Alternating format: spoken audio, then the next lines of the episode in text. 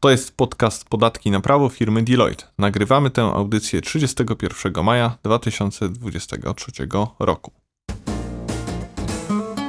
Cześć, nazywam się Maciej Guzek. Podczas podcastu rozmawiamy o najważniejszych zmianach w podatkach i w prawie z perspektywy przedsiębiorców.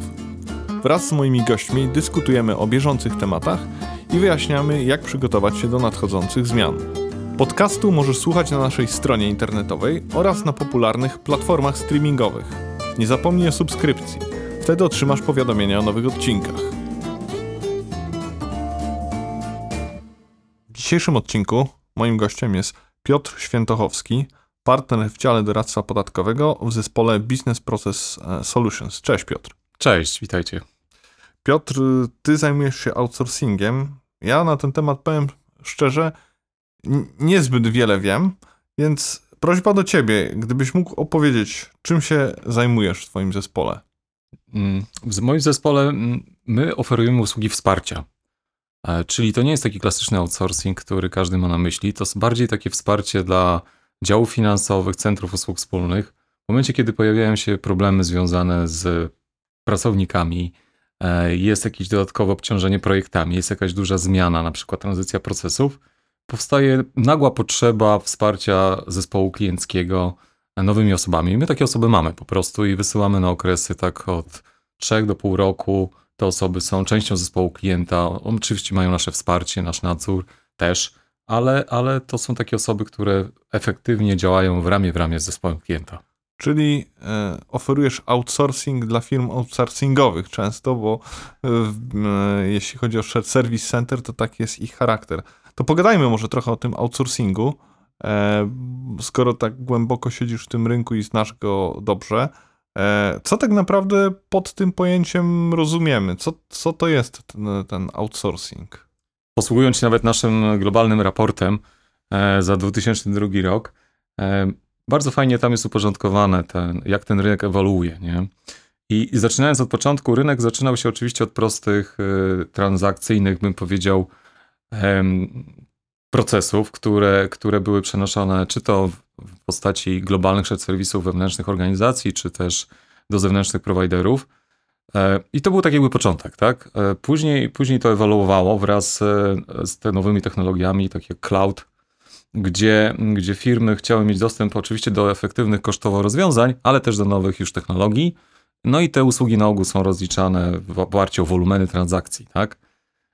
I Teraz jest tak jakby najnowszy trend, czyli tak zwany operate, który, który już w ogóle jest tak jakby nowym, nowym podejściem do outsourcingu, gdzie, gdzie firmy szukają nie tylko oszczędności kosztowych, ale dostępu też i do talentu, szczególnie rzadkich kompetencji, ale też i nowoczesnych technologii, gdzie bardzo często jest e, już to praktycznie niemożliwe, żeby takie talenty czy takie technologie pozyskiwać wewnętrznie, więc e, siły, siłą rzeczy te firmy czy biznesy muszą e, znajdować takich dostawców, które takie rozwiązania im dostarczą.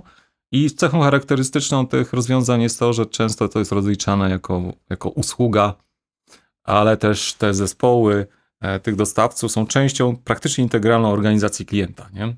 Czyli w tym momencie one po prostu działają ramię w ramię z pracownikami klienta, znają ten biznes, znają klienta, znają priorytety, więc to jest taka mocna symbioza, kompletnie inne podejście tak jakby do współpracy z vendorami. Czyli mm, jeśli dobrze rozumiem, tak pozwolę sobie to zwulgaryzować, to operate to jest, czy to podejście operate, ona się charakteryzuje tym, że to nie jest po prostu zlecenie jakiejś prostej pracy na zewnątrz, tylko jakby inkorporowanie mm, tego zespołu, którego bierze, e, który bierzemy e, od firmy outsourcingowej, który mnie wspiera jako tego korzystającego z usługi, bierzemy na pokład tak naprawdę naszej firmy oni działają razem z nami, tak? Tak, ale to, to, jest, to jest y, na ogół, prawie zawsze rozwiązanie oparte o technologię.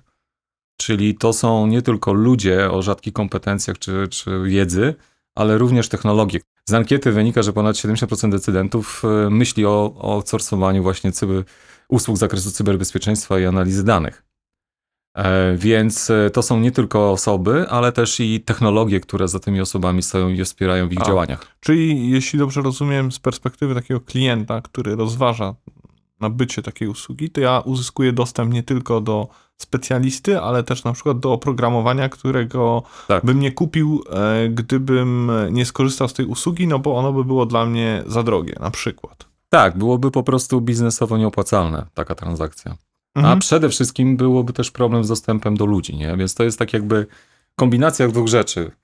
W związku z problemami z dostępem do wykwalifikowanych kadr, czy tam kompetencji, które teraz są unikatowe na rynku i drogą technologią, która, która, która służy tak jakby dostarczaniu tych usług, e, są dostawcy, którzy specjalizują się w dostarczaniu tego, tej, tej usługi, no i w związku z tym jest rynek, tak? Mhm. Jasne. E, To ja mam jeszcze jedno pytanie odnośnie mm, tego raportu. Notabene zachęcamy wszystkich e, słuchaczy do sięgnięcia po ten raport. To jest fajne źródło wiedzy. E, Deloitte zrobił badanie mm, globalnego rynku outsourcingu, także mamy dzięki temu szersze spojrzenie na branżę outsourcingową. Nie, nie tylko Polska, ale cały świat. Natomiast tam przebija się jedna rzecz, o której ty też powiedziałeś, czyli problem z kadrami, problem z dostępnością kadr. E, czy to rzeczywiście jest taki wielki problem? No wiesz, wydaje mi, intuicyjnie bym powiedział, że to raczej ludzie szukają pracy, a nie firmy ludzi, ale z Hmm. tego raportu wynika co innego. Tak, no, raport jest globalny, ale, ale faktycznie jest tak, że jak rozmawiam e, z szefami shared serwisu w Polsce, to, to to jest problem, który w Polsce też istnieje. To znaczy e, kwestia rotacji kart w shared serwisach jest dużym wyzwaniem, także na przykład większość e, szefów serwisów ma swoich e, KPI-ach kwestię rotacji, tak? Czyli kwestia rotacji jest tam mocno monitorowana i mierzona i determinuje o sukcesie organizacji takiej, która jest w Polsce zarządzana przez polskich czy tam zagranicznych e, szefów tych serwisów. A z Więc- czego to wynika? E, Bo e, czy po prostu wynika to z tego, że tych firm, które na przykład są shared serwisami i oferują usługi za granicę, usługi outsourcingowe, czy e, ich jest tak dużo i, ta, i ten rynek jest tak konkurencyjny, że wymusza tę rotację? No, faktycznie mówi się, że Polska trochę tymi usługami outs- outsourcingowymi stoi. Mamy bardzo duże, mm, bardzo wiele firm w e, Rzeszowie, mamy bardzo wiele firm w Krakowie, na Śląsku, we Wrocławiu, w e, Gdańsku czy w Gdyni, E, więc rzeczywiście to wydaje się z jednej strony taki duży mm, sukces e, rynkowy czy gospodarczy branży, no ale e, czy to właśnie powoduje mm, te problemy po stronie pracodawców? Czy to jest spowodowane czymś innym? Nie wiem, tym, że po prostu mniejsze roczniki wchodzą, wchodzą na rynek pracy i tych specjalistów nie ma skąd brać. Hmm. Znaczy, bardzo dobre pytanie. Niestety nie mam żadnych badań, które mógłbym wykorzystać i podeprzeć się liczbami, więc to jest tylko takie moje postrzeganie rynku mm, i, i, i po prostu rezultat rozmów, które, które odbywam. Moim zdaniem przyczyn jest wiele. Między innymi właśnie ta przyczyna, co ty powiedziałeś, że faktycznie Polska stała się teraz dosyć interesującym rynkiem na otwieranie mm, globalnych shared serwisów różnych organizacji. E, W związku z tym jest taka naturalna walka o talent. Nawet czasami formalnie nie otwierają żadnych shared serwisów w Polsce, ale wykorzystują polskich ekspertów do pracy u siebie w swoich zespołach. E, Ale, ale tak jak ja na to patrzę, jeżeli już mamy jakiś shared serwis w Polsce i jest on zarządzany, bardzo często problemem jest kwestia mm, zapewnienia rozwoju pracownikom, którzy tam pracują. Młodzi ludzie, którzy na ogół tam pracują, oczekują od swoich pracodawców, że będą nie tylko dostarczali im e, na koniec miesiąca wynagrodzenie, ale również zapewnią możliwości rozwoju. I jeżeli jest jakiś fajny pomysł na, na takie kadry i, i na, na ścieżki rozwoju w takim shared serwisie, plus oczywiście odpowiednie warunki finansowe, bo jednak ci ludzie są mocno wrażliwi też na, na aspekty finansowe, no każdy zresztą z nas, to, mm, to, to, to ta rotacja jest relatywnie niewielka, ale jeżeli nie ma tego elementu rozwojowego i jeszcze dodatkowo nałoży się jakaś kwestia mm, konkurencyjności wynagrodzenia, no to faktycznie ta rotacja może wzrosnąć. Na co nakładają się też oczywiście czasami problemy związane z różnymi wewnętrznymi e, reorganizacjami, proc- procesami, które, które są, mm, ale też są po prostu, już bym powiedział, mocno specyficzne do danej organizacji. A rzeczy. propos takich wewnętrznych reorganizacji, to zdarzyło ci się obserwować e, sytuacje, w których e, jakiś shared service jest e, w Polsce z, zamykany, e, firma czy ta globalna organizacja wycofuje się z Polski? Czy takie historie już miały miejsce, czy póki co Polska jest taką ziemią obiecaną i jednak y, takich historii nie widzimy? Oczywiście takie shared serwisy były zamykane i, i widziałem takie sytuacje. E, nie znam statystyk, ile takich serwisów się zamknęło już.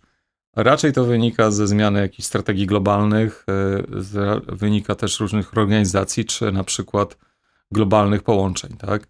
To wtedy takie sytuacje mają miejsce i zdarzają się oczywiście, Mhm. ale Bo, oczywiście bo, bo saldo powodem nie jest, e, powodem jak rozumiem nie jest to, że w Polsce płace wzrosły, czyli, czyli innymi słowy moje pytanie jest takie, czy nadal jesteśmy konkurencyjni cenowo, patrząc na wynagrodzenia, czy to już, je, to już się zmieniło, no bo mm, właśnie wzrosły, wzrosły płace mm, tym osobom, mm, które pracują w branży outsourcingowej trzeba płacić więcej, więc konkurujemy jakością, a nie ceną.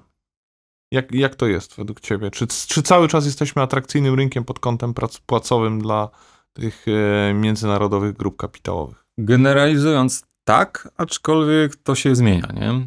Jeżeli mówimy o, o to trzeba to patrzeć z perspektywy e, ośrodka decyzyjnego danej grupy, e, danego biznesu, danej, danej korporacji. Jeżeli, jeżeli jest to korporacja, która głównie działa na przykład z, z Anglii, nie wiem, ze Stanów Zjednoczonych, ze Szwajcarii, Niemiec, to cały czas dla tych krajów, no jesteśmy relatywnie też kosztowo efektywnym, efektywną lokalizacją.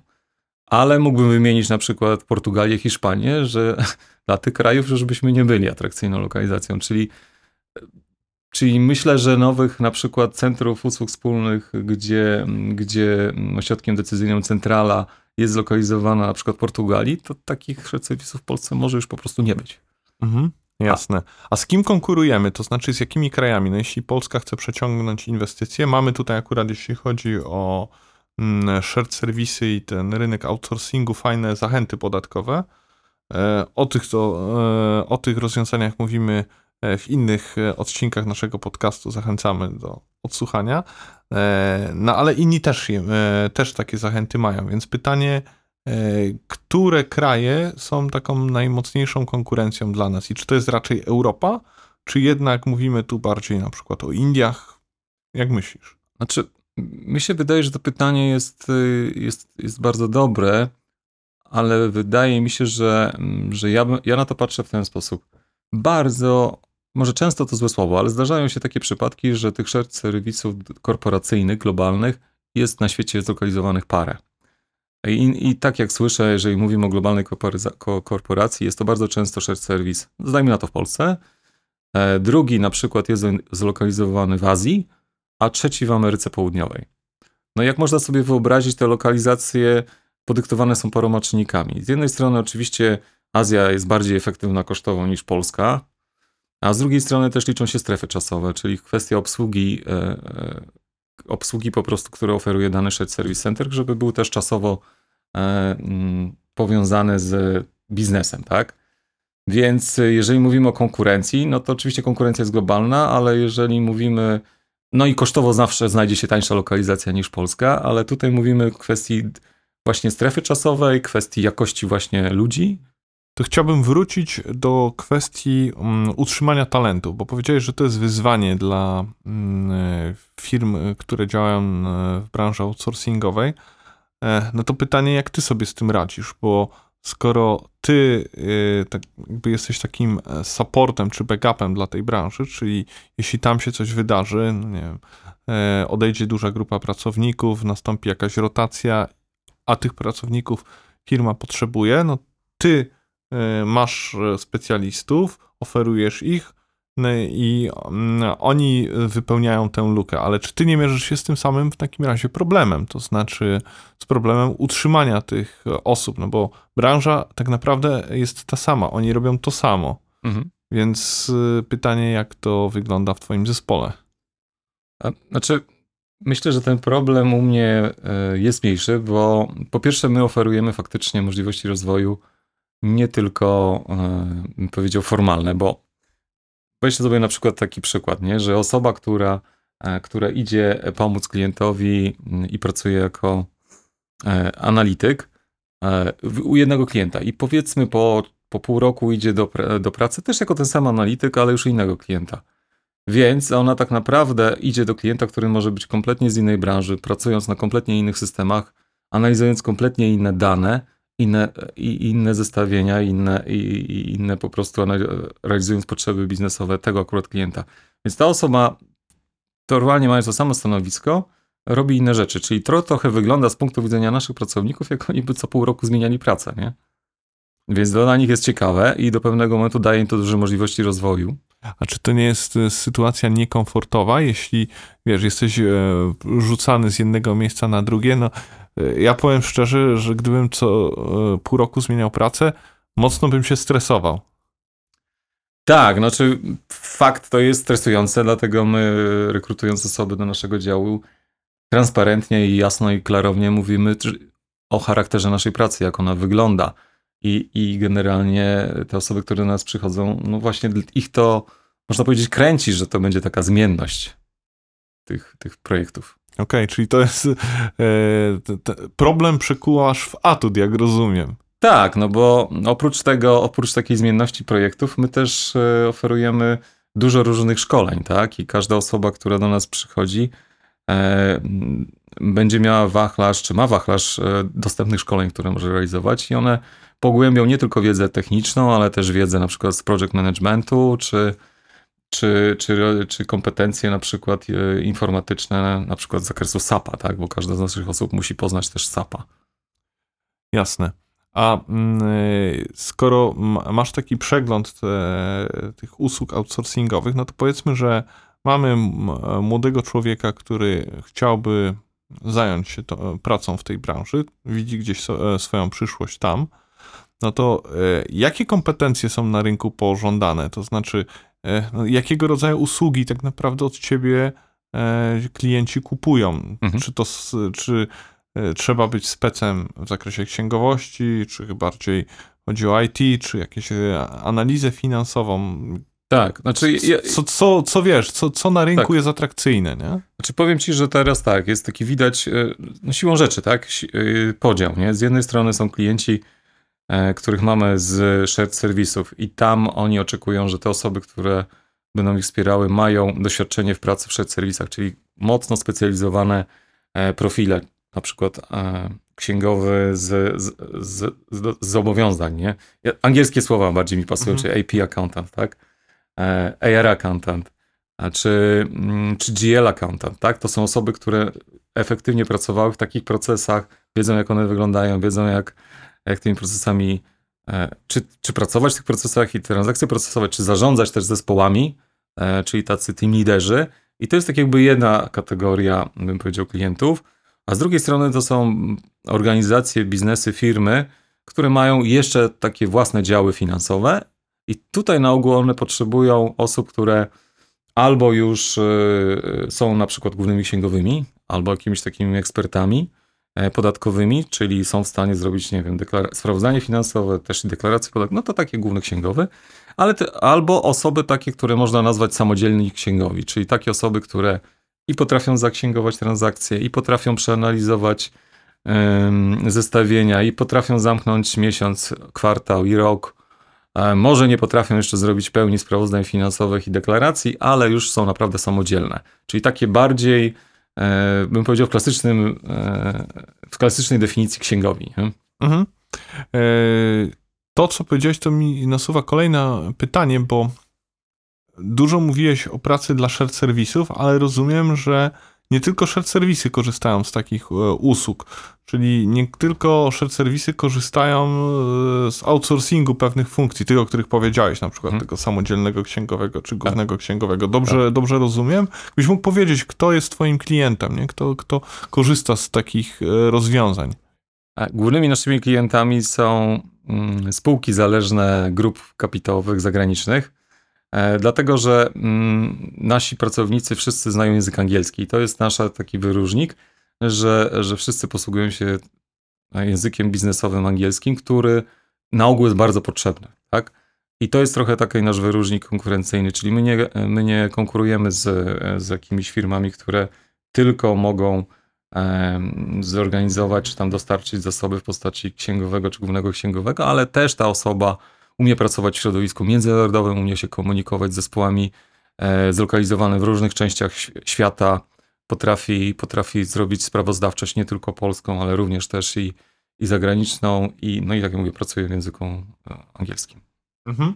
Czyli wśród polskich firm e, raczej nie ma Twoich klientów. Pytam, bo y, ja dość dużo pracuję dla tych polskich firm rodzinnych, e, ale rozumiem, że raczej te firmy wolą tak zwany insourcing, czyli wolą mm, te, Tak. te zasoby lokować e, wewnątrz organizacji, tak? Znaczy tak, jeżeli, znaczy, jeżeli chodzi o takie firmy rodzinne, e, albo powiedzmy sobie, gdzie właściciele są e, z Polski tylko i wyłącznie, na ogół oni próbują znaleźć inne rozwiązania, ich zdaniem efektywne kosztowo, ale po prostu mają też mniejsze oczekiwania w stosunku do tych osób. My, osoby, które dostarczamy, w sensie w, naszej, kontekście naszej usługi, e, my te osoby mamy, tak jak mówię, bardzo dobrze przeszkolone, które znają język angielski, potrafią współpracować w międzynarodowym środowisku i to jest taki kluczowy wyróżnik tych, w stosunku do takich e, normalnych osób, które są dostępne na rynku. Mhm. To y, chciałbym Cię namówić, żebyś się podzielił jakimiś takimi historiami z e, życia wziętymi, bo wydaje mi się, że e, wiesz, taka potrzeba to nie jest coś oczywistego. Znaczy, nie każdy ma potrzebę, tak, żeby pojawiła się w jego zespole głó- główna księgowa czy główny księgowy, no bo zazwyczaj takie osoby są, e, stabilnie pracują na tym stanowisku przez kilka, kilkanaście lat.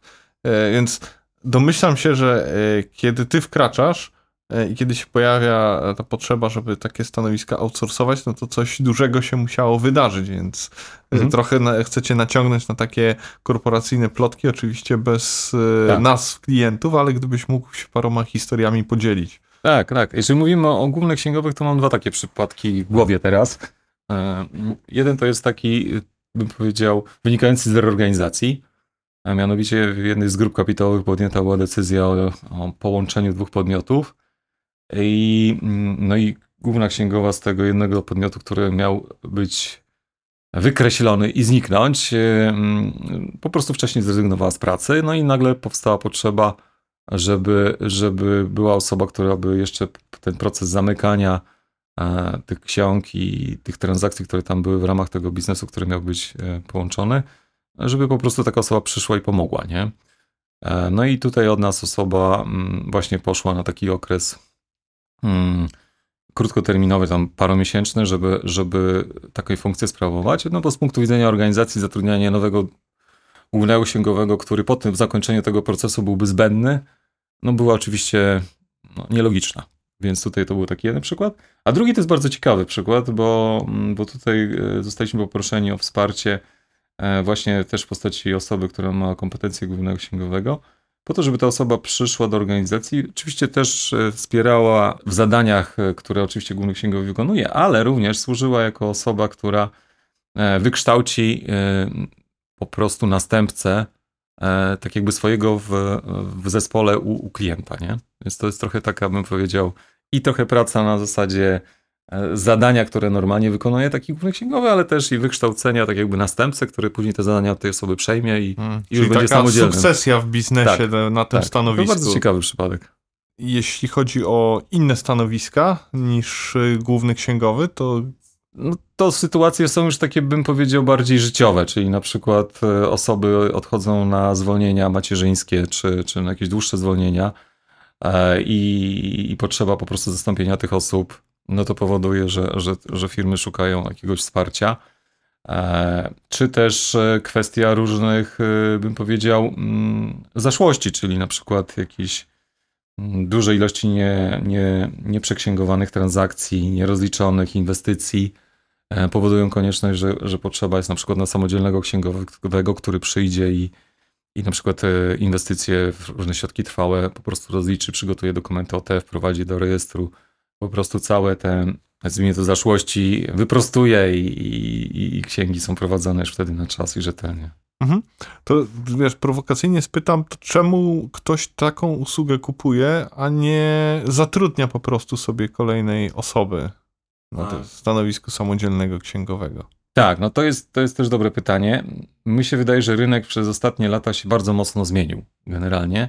I tak jak wracając z naszego punktu mm, wcześniejszego, kwestia pozyskiwania talentu jest tematem dużym i ważnym, e, szczególnie w zakresie tych kompetencji księgowych. E, tak naprawdę w Polsce powstało ponad 400 centrów usług wspólnych, z czego ponad połowę ma funkcje związane z księgowością i finansami. Więc to jest, to jest ogromna, ogromna rzesza osób, które tam znalazły pracę, to po pierwsze. Po drugie, mm, jest, w związku z rozwojem tych serwisów, mi się wydaje, że też jest tak, przynajmniej ja to obserwuję, że to, co kiedyś e, było normalne i powszechne, czyli każda firma miała swój mały dział księgowy, czy tam większy, e, i ten dział powodował, w tym dziale pracowały osoby od takiego młodego księgowego do posamodzielnego, a później po starszego zastępcę głównego księgowego, była taka naturalnym zasobem osób, które robiły karierę, robiły swój, swój rozwój po prostu. W ramach tej firmy. W ramach tak. tej firmy. Więc nawet jeżeli później taki samodzielny księgowy odchodził, czy główny księgowy odchodził, to było naturalne miejsce, gdzie można było popatrzeć na osobę, która mogła tą osobę zastąpić. A teraz wraz z rozwojem tych, y, tych modeli właśnie outsourcingowych, gdzie bardzo często, e, nawet w polskich biznesach jest to outsourcowane do zewnętrznej organizacji, ale jednak potrzebna jest osoba, która, która ze strony biznesu i firmy nadzoruje te, te księgi, no to w momencie, kiedy taka osoba mówi, że odchodzi, na przykład samodzielny księgowy czy, czy główny księgowy, no to po prostu już nie ma tego zespołu, który za nim był. Czyli nie ma tej pamięci w organizacji, tak? Tak, nie ma tego miejsca, gdzie się oni kształcili. No to, to jest oczywiście tak jakby minus tego, tego co się teraz dzieje, e, no ale, ale to też tworzy, e, tworzy dla nas, e, dla nas nowe oportunicje rynkowe i my, my te osoby właśnie pozyskujemy, kształcimy i wypełniamy tą lukę. A czy jak mm, klient prosi cię o wsparcie, no i pojawia się taka czy inna osoba z twojego zespołu u klienta, to czy e, to jest trochę tak, że ten klient uzyskuje dostęp no nie tylko do tej osoby i do tego, co ona wie, ale również do szerszej bazy specjalistów, bo no, nie wiem, jak to jest zorganizowane, ale wyobrażam sobie, że może to wyglądać tak, że mm, wiesz, ten chłopak czy dziewczyna, która e, wykonuje te zadania, a cały czas jest w twoim zespole, no może wykonać telefon do ciebie czy do kogoś innego z zespołu, żeby pewne rzeczy merytoryczne, z którymi sobie nie radzi, jakieś trudniejsze kwestie skonsultować i mhm. rozstrzygnąć. Czy tak jest, czy to jakoś inaczej? Znaczy, to... ja może ci powiem, jak wygląda cały proces i w międzyczasie też mam nadzieję to wyjaśnię. Znaczy, cały proces wygląda w ten sposób, że jeżeli klient e, przychodzi i mówi, że, że ma taką taką potrzebę na taką i taką osobę o takich doświadczeniach i kompetencji, to my zazwyczaj staramy się mu przedstawić dwóch, e, dwie, dwoje kandydatów, e, z których on może sobie wybrać te, te osoby i normalnie prowadzi rozmowę. Trochę wygląda to jak rozmowa rekrutacyjna. Aczkolwiek nie jest to aż tak bardzo, bym powiedział, mocno stresujący proces, no bo tutaj akurat e, my jako Deloitte tak de facto świadczymy o jakości tych osób i, i tych, które tam chcemy, chcemy wysłać. E, ale jeżeli ta osoba zostanie, powiedzmy, jedna za, zaakceptowana, to później proces wygląda w ten sposób, że my jesteśmy w kontakcie z tą osobą regularnym i raz na, na, ty, na dwa tygodnie, raz na miesiąc e, rozmawiamy. Jeżeli to jest jedna osoba wysłana do klienta, rozmawiamy z tą osobą e, projektowo, czyli co ona robi, jak robi, co możemy jej pomóc i tak dalej. Z drugiej strony jesteśmy non-stop w kontakcie z klientem i też prosimy o feedback te, o te, tego klienta, czy, czy nie ma jakichś uwag, zastrzeżeń, rekomendacji do tego pracownika. I teraz, jeżeli się pojawią jakieś e, tematy, które, które są problematyczne dla tej osoby, no to ta osoba zawsze może do nas zadzwonić. Za, zawsze jest w tym regularnym kontakcie, ma te miejsca kontaktu, więc ona może zadzwonić. Z drugiej strony, jeżeli ona widzi, że klient na przykład ma jakieś problemy, których sobie nie zdało sprawy, albo zdawał sobie sprawę i, i, i jakoś do końca nie, nie, nie, nie zaadresował tego problemu. To Choćby my, dlatego, że nie miał kim. Nie miał kim, albo po prostu były inne priorytety. To my też w trakcie naszych tych regularnych kontaktów yy, zadajemy pytania, czy, czy wymaga to jakiejś atencji z naszej strony, czy wsparcia też innymi ekspertami, bo jeżeli na przykład, nie wiem, będzie potrzeba E, zrobienia jakichś e, analiz, no to my zawsze mamy oczywiście kontakt z innymi naszymi kolegami z działu podatkowego i możemy poprosić ich o wsparcie tego klienta. Oczywiście już wtedy na innych zasadach, na innej umowie, ale, ale takie możliwości są, więc e, nie wiem, czy odpowiedziałem na twoje mm. pytanie, ale wydaje tak, mi się, że... Tak, tak, już, tak. Że teraz myślę, że już rozumiem, czemu ci klienci kupują twoje usługi i generalnie szerzej usługi outsourcingowe, to znaczy e, oni uzyskują dostęp nie tylko do tej osoby X, ale również do tego zaplecza wiedzy i czasami technologii, która, które jest w organizacji, która Tak. daną osobę wysyła. Okej. Znaczy tak, ale mi się wydaje, że głównie też e, takiego zaufania i tej jakości, tak? Czyli, czyli mi się wydaje, że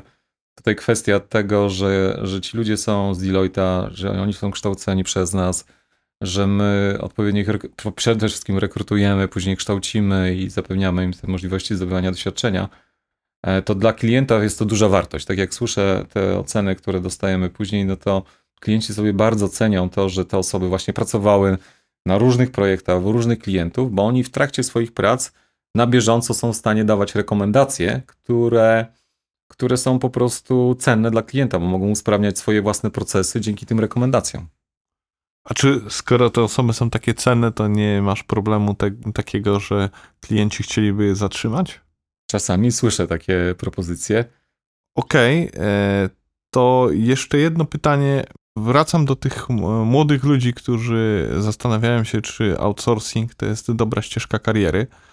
Czy e, w outsourcingu można e, dobrze zarobić? Nie, nie pytam o kwoty, oczywiście, bo to jest i twoja tajemnica przedsiębiorstwa, w sensie e, nie, nie, na pewno nie, nie będziesz chciał ujawniać konkretnych stawek, ale i tak samo jest w, e, generalnie w innych firmach, z tymi, e, tych, z którymi masz styczność. Na pewno klienci też nie, nie życzyliby sobie, żeby tu padały konkretne kwoty, no ale wiesz, czy generalnie to jest atrakcyjna finansowo i też pozafinansowo ścieżka kariery dla takiego młodego człowieka, który myśli, co ze sobą zrobić.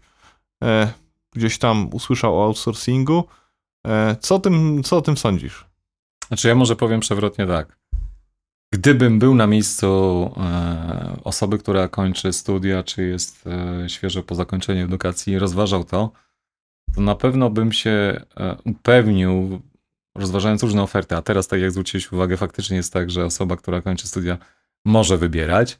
E, Więc na pewno bym się upewnił, czy ta, ta dana firma, ta dane centrum e, usługowe ma przemyślane ścieżkę rozwoju dla mnie, na jak długi okres e, i, i czy faktycznie mogę to w jakiś sposób zwalidować z osobami, które już tam pracują. Bo to ścieżka rozwoju powoduje oczywiście też i progresję finansową, więc jeżeli jest, jest w jakiś sposób to przemyślane, ta kwestia rozwoju tych pracowników, ich ścieżki rozwoju i awansów i tak dalej, no to ja o stronę finansową jestem spokojny, nie? Pytanie, czy dane, dana firma po prostu ma to przemyślane, ma to zorganizowane e, i faktycznie tak e, to robi, nie?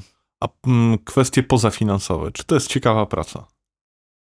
Jeżeli, znaczy to wszystko zależy od osoby, nie? Jeżeli osoba chce, jeżeli ma, chce, chce się rozwijać i, i trafi w te miejsce, gdzie ten rozwój jest zapewniony, to myślę, że jest.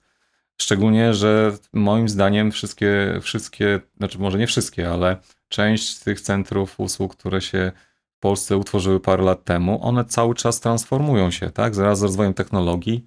e, Te najprostsze, rutynowe transakcje, e, te procesy, które były transakcyjne, czyli na przykład, dajmy na to księgowanie faktur e, zakupowych, te rzeczy się po prostu powoli automatyzują. I, i- te najbardziej nudne rzeczy, które czasami ludziom mm, nie sprawiały dużej radości, no to po prostu one są automatyzowane i siłą rzeczy pracownicy będą angażowani w bardziej e, interesujące i dostarczające jakiejś satysfakcji prace, na przykład związane z oceną danych, analizą danych, rozwiązywaniem problemów.